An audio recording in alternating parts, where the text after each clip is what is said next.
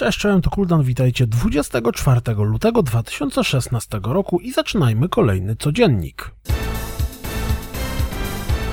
Risk of Rain, czyli rogalikowy action platformer, który zbierał bardzo dobre opinie na PC, pojawi się również na PlayStation 4 i z tej okazji pojawił się jego zwiastun. Przy okazji premiery pojawiły się dwa zwiastuny Far Cry Primal. Jeden filmowo-narracyjny, typu reklamówka telewizyjna i drugi przedstawiający rozgrywkę. Pojawił się również wyjątkowo stylowy premierowy zwiastun Hitman Go Definitive Edition, związany z pojawieniem się gry na PC i PlayStation 4. W Xboxowym sklepie był przez moment dostępny bundle Duma wraz z dostępną w ramach wstecznej kompatybilności pierwszą i drugą częścią. Strona zaraz zniknęła, ale wiecie, internet niczego nie zapomina. Jeżeli wyjechaliście na bezludną wyspę i macie ze sobą tylko PlayStation Vita i trochę dostępu do internetu, to dziś premierę miał Swap Quest, logiczny RPG przeniesiony prosto z komóreczek. Grim Dawn, czyli kickstarterowany w 2013 roku Diablo-podobny action RPG już jutro będzie dostępny na Steamie. Ciekawostka Dropsa. Ekipa Remedy wpadła w odwiedziny do Naughty Dog. Czyżby przyjaźń między podziałami? Randy Pitchford z Gearboxu przyznał, że produkcja Battleborn kosztowała więcej niż łącznie produkcja pierwszej i drugiej części Borderlandsów. Oj, żeby się na tym nie przejechali.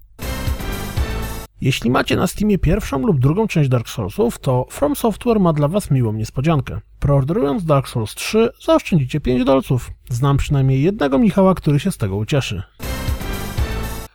Zach McClendon, który pracował jako designer chociażby przy Bioshocku II, dołączył do Double Fine i będzie dłubał przy Psychonauts 2. Witch House, czyli mocno nawiązująca do mitologii Cthulhu strategia turowa, pojawi się na Steamowym Greenlightie. Obejrzyjcie zwiastun, jeśli wygląda dla Was ciekawie, to dajcie jej swój głos. Press zapewne mocno się nią jara. Dostaliśmy oficjalne potwierdzenie marcowej oferty Games with Gold, która pokrywa się z krążącymi wcześniej plotkami. Na Xboxie One dostępne będą Sherlock Holmes Crimes and Punishment i Lords of the Fallen, a na Xboxie 360 Supreme Commander 2 i Borderlands. New World Interactive przy wsparciu Focus Home Interactive zapowiedziało produkcję Insurgency Sandstorm. Na razie nie wiadomo wiele ponad to, że gra ma pojawić się na konsolach i PC w 2017 roku oraz że w przeciwieństwie do części bez podtytułu, oprócz trybu multi dostaniemy również jakąś formę kampanii. To będzie bardzo dziwny news, ale w końcu pojawił się temat do PlayStation 4, który z przyjemnością sam ustawię. Możecie zobaczyć go na filmiku.